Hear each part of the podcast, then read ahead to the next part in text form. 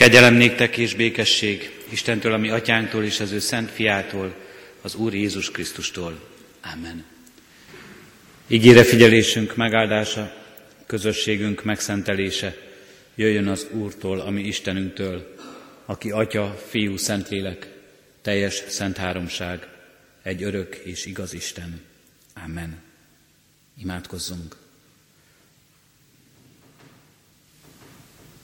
Urunk Istenünk, mennyi édesatyánk az Úr Jézus Krisztus által. Áldunk és magasztalunk megtartott életünkért. Áldunk és magasztalunk, Urunk Istenünk, hogy a Te szeretetedből napokat toldasz napjainkhoz, és megajándékozol minket azzal, hogy nem csak életünk van, de veled való közösségünk is. Így köszönjük, Urunk, ezt az alkalmat. Köszönjük a Te hajlékodat, köszönjük az itt hozzánk szóló igét, köszönjük az imádság lehetőségét, és köszönjük, Urunk, azt az érzést, azt a tudatot, azt a hitet, melyet Te táplálsz bennünk, hogy Te nem fordulsz el tőlünk, nem hagysz magunkra minket. Meghallod imádságainkat, meglátod és megérted ki nem mondott kérdéseinket és kéréseinket. Megismered és ismered vágyainkat, gondolatainkat és akaratunkat. Bocsáss meg nekünk, Urunk, hogyha így megismerve minket, azt látod, hogy milyen messze vagyunk a Te szentségettől és a Te igazságottól. És éppen ezért különösen köszönjük neked, Urunk, ezt az ünnepet, amelyre készületünk, mely újra arra emlékeztet minket, hogy milyen aláhajló a Te szereteted, hogy ezt a hatalmas távolságot közötted és közöttünk hogyan hidaltad át, hogyan hajoltál le értünk, és hogyan emelsz magadhoz, fiadban Jézus Krisztusban. Köszönjük, Urunk, hogy nem ránk tekintesz, hanem önmagadra, könyörületedre és irgalmadra. Ennek reménységében hívunk és várunk most is minket, Urunk, taníts és vezess minket, hogy az ünnepben megérkezzünk, és az ünnepben igazán veled találkozhassunk. Amen. Kedves testvéreim, hallgassátok meg Isten igéjét, amelyet az ő lelke segítségül hívásával hirdetni kívánok közöttetek, úgy, amint írva található Máté evangéliumának első részében, a 18-tól a 21. versig terjedő ige szakaszban. Jézus Krisztus születése pedig így történt. Anyja, Mária jegyese volt Józsefnek, de mielőtt egybekeltek volna, kitűnt, hogy áldott állapotban van a Szentlélektől. Férje József igaz ember volt, és nem akart őt megszégyeníteni, ezért elhatározta, hogy titokban bocsátja el. Az, amikor azonban ezt végig gondolta magában, íme az úrangyala megjelennek álmában is ezt mondta. József, Dávid fia, ne félj magadhoz venni feleségedet Máriát, mert ami benne fogant, az a Szentlélektől van. Eddig Isten írott igéje.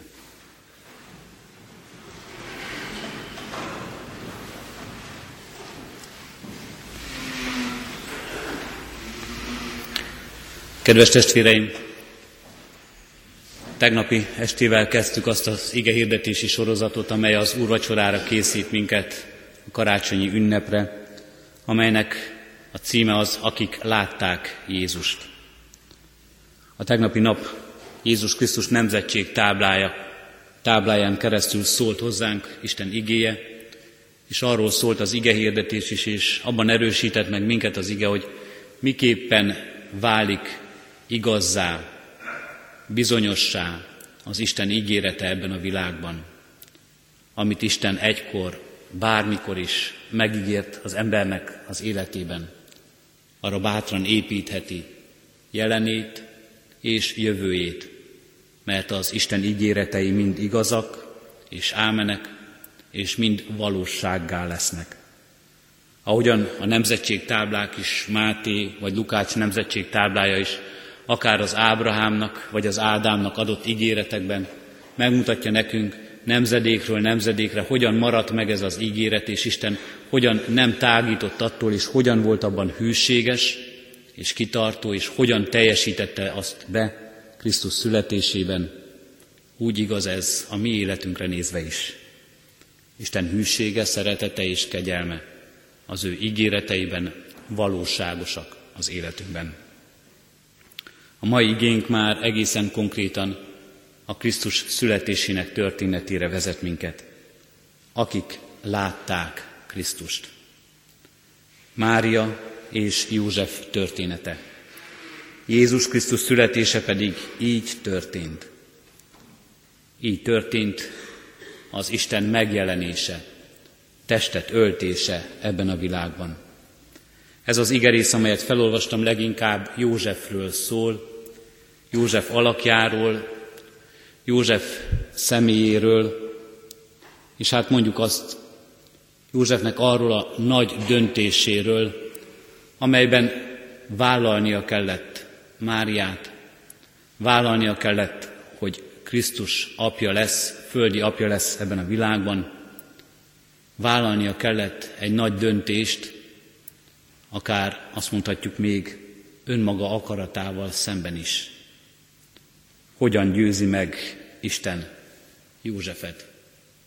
Hogyan győzi le Isten Józsefben az emberit? József története nagyon nehéz történet. Nem ez a leg, legromantikusabb része a Krisztus születés történetének. És nem ez a legromantikusabb történet egy házasság kezdetének.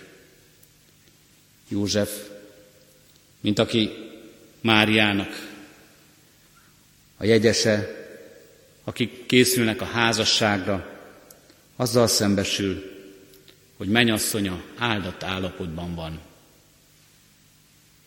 Gondoljunk csak bele, mennyi kétség, mennyi félelem jöhet elő ennek az embernek a szívében. Akár harag, akár dű. Mi történik itt? Van egy ember, van egy lány, akit én szeretek, akinek én elkötelezem magam, és aki ígéretet tesz nekem, és akivel össze akarjuk kötni az életünket, és akivel holtomig és holtomig kimondjuk a hűséget, és egyszer csak kiderül, hogy ez a fiatal lány áldott állapotban van. Mi ez? Ha nem bizonyíték, hanem bizonyosság. Mi ez, ha nem egyértelmű jel az ő hűtlenségére? Mit gondoljon József? József az ember, és hogyan vállalja ezt a dolgot önmaga előtt, a világ előtt. Nem egy romantikus történet, ugye, ahogyan Krisztus e világba érkezik, ahogyan kezdődik mindez.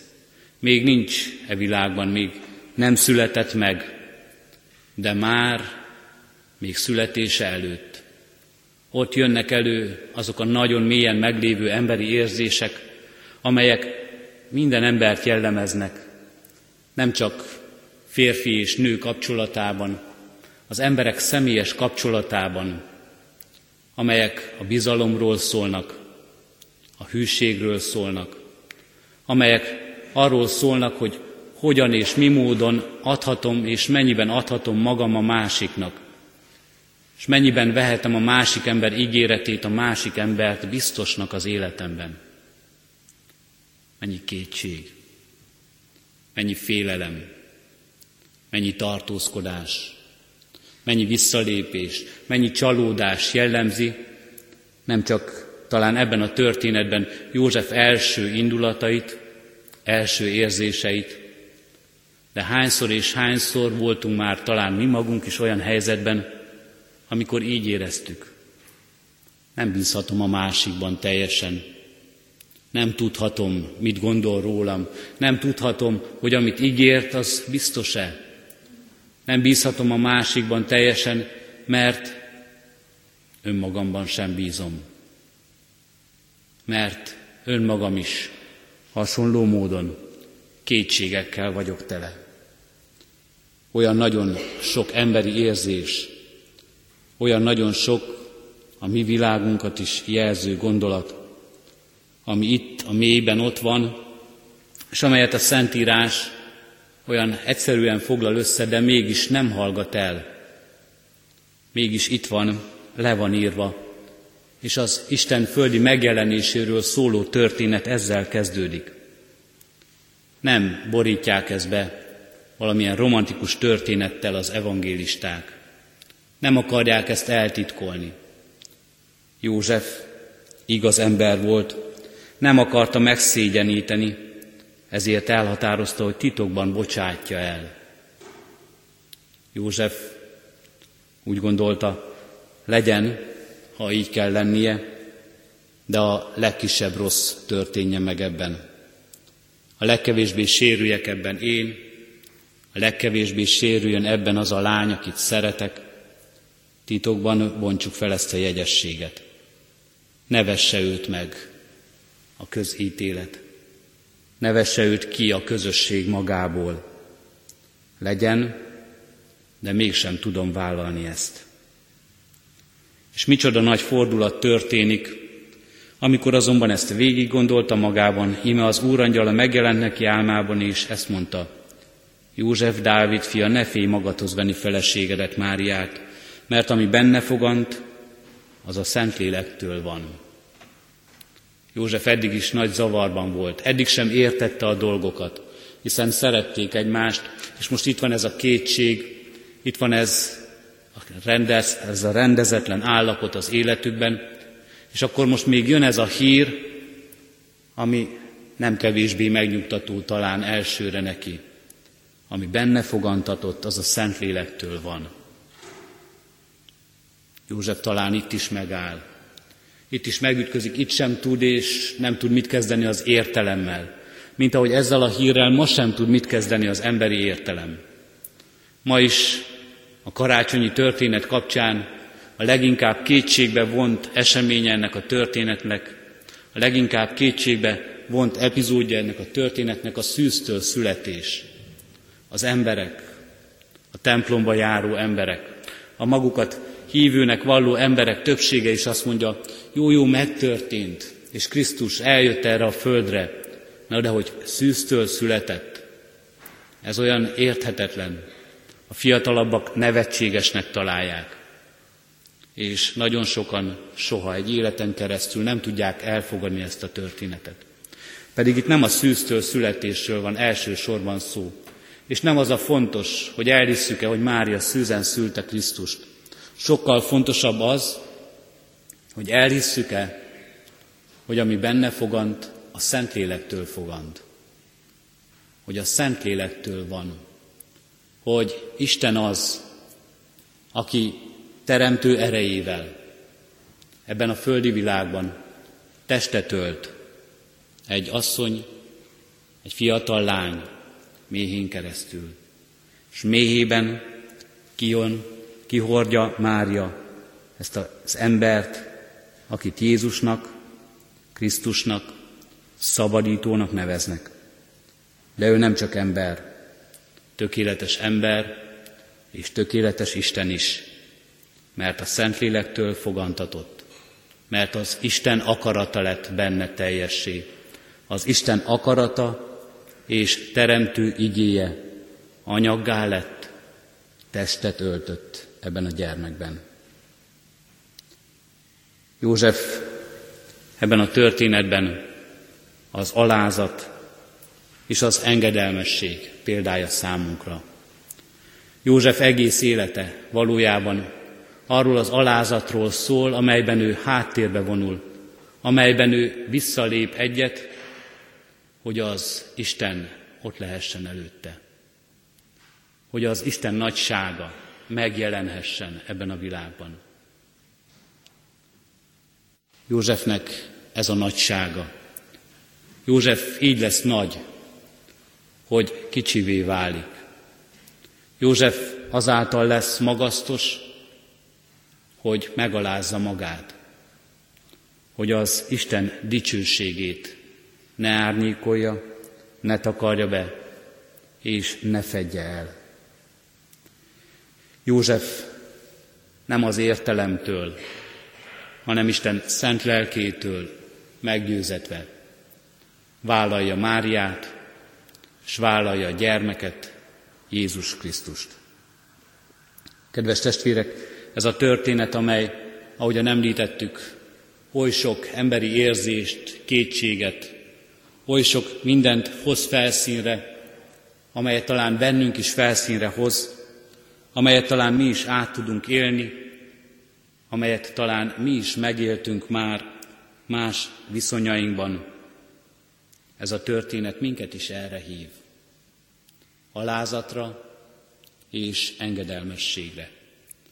Arra, hogy mi magunk is, amikor az Isten cselekszik az életünkben, amikor az Isten szent lelke vezet minket, akkor merjük ráhagyni magunkat. Akkor bátran lépjünk vissza. Nem mi akarjunk cselekedni, nem mi akarjunk dönteni, nem mi akarjuk megoldani a helyzeteket, hanem hagyjuk, hogy Isten cselekedjen, hogy Isten hozzá el a megoldást, hogy ő dicsőítse meg magát bennünk és általunk. Bizalomról, kétségről, félelmekről, dűről, más az emberi kapcsolatainkról is szólt ez az ige, és amikor így gondolunk, akkor gondoljuk azt is, miért vannak és mire szolgálnak az Isten akarata szerint ezek a kapcsolatok. Azért adja nekünk Isten a másik embert, hogy azzal próbára tegye hitünket. Azért adja vajon nekünk Isten a másik embert, hogy ott a kétségekbe kergessen minket. Azért adja nekünk az Úristen a másik embert, hogy tele legyen az életünk félelemmel, kételjel és bizonytalansággal. Biztosan tudhatjuk nem. Biztosan tudhatjuk, nem ezért adatik nekünk a társunk, nem ezért adatik nekünk a házastársunk, nem ezért adatik nekünk a testvérünk, nem ezért adatik a másik ember, hanem azért, hogy abban még teljesebbé legyen az életünk. Hogy abban mi magunk is teljesebbé váljunk, és ő is általunk. Hogy a bizalom, a másik emberre való hagyatkozás, a segítés, az összetartozás, az egység növekedjen bennünk. Isten ebben akar bizonyosan vezetni. De hogy ez igazán megvalósulasson, ebben nekünk nagyon sokszor vissza kell lépnünk, hátrébb kell lépnünk, és engednünk az Isten lelke vezetésének. És mindenek előtt ezt úgy tehetjük meg igazán, ha mi magunk is befogadjuk és elfogadjuk a Krisztust, az Isten fiát, a benne megjelenő isteni szeretetet, a benne megjelenő szabadítót, aki megszabadít minket ezektől a félelmeinktől is, ezektől a kétségeinktől is, és aki itt és ezekben a kapcsolatokban is teljessé teszi az életünket. Mint ahogyan hihetjük, és ahogyan az evangéliumok bizonyságai erről is szólnak, Mária és József élete teljes maradt. Így legyen ez a mi életünkben is. És amikor karácsonykor nem csak az Isten megjelenését ünnepeljük, hanem amikor karácsonykor annak is örvendezünk, ha együtt lehetünk szeretteinkkel, ha együtt lehet a családunk, becsüljük meg Istennek ezt az ajándékát is az életünkben. Amen. Imádkozzunk.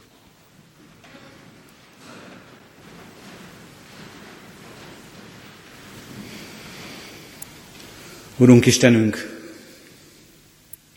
látod életünket, látod érzéseinket, látod gondolatainkat, látod emberi kapcsolatainkat, ismered, Urunk, önzésünket, és ismered, Urunk, félelmeinket, ismered a bizonytalanságainkat, a kétségeinket. Előd visszük, Urunk, mind ezt, és kérünk, Te szabadíts meg minket ezektől. És Urunk Istenünk, Te ismered örömünket, és hálaadásunkat, és a szeretetet, amely egymáshoz köt minket. Kérünk és könyörgünk, Urunk, ad, hogy épülhessünk ebben. Minden kétség és kísértés távozzék el tőlünk. És minden, ami minket épít, nem csak önmagunkban, de közösségben is, a testvéri szeretetben, a hűségben, a törődésben, a másik vállalásában, ad, hogy az növekedhessék.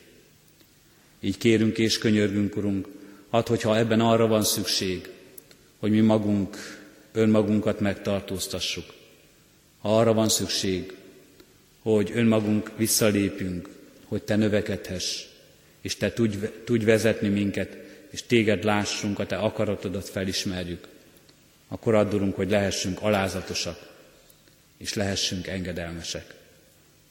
Kérünk és könyörgünk, Urunk Istenünk, vezessebben minket így az ünnep felé, és ajándékozz meg minket ezzel is az ünnepben, ami szabadítónkért, a Te egyszülött fiadért, Jézus Krisztusért kérünk. Amen. Mi atyánk, aki a mennyekben vagy, szenteltessék meg a Te neved. Jöjjön el a Te országod, legyen meg a Te akaratod, amint a mennyben, úgy a földön is. Minden napi kenyerünket add meg nékünk ma, és bocsáss meg védkeinket, miképpen mi is megbocsátunk az ellenünk védkezőknek. És ne védj minket kísértésbe, de szabadíts meg a gonosztól, mert Tiéd az ország, a hatalom és a dicsőség mind örökké. Amen. Szívünkben alázattal Urunk áldását fogadjuk. Az Atyának szeretete, ami Urunk Jézus Krisztusnak kegyelme, és szent lelkének közössége legyen és maradjon minnyájatokkal most és örökkön örökké. Amen.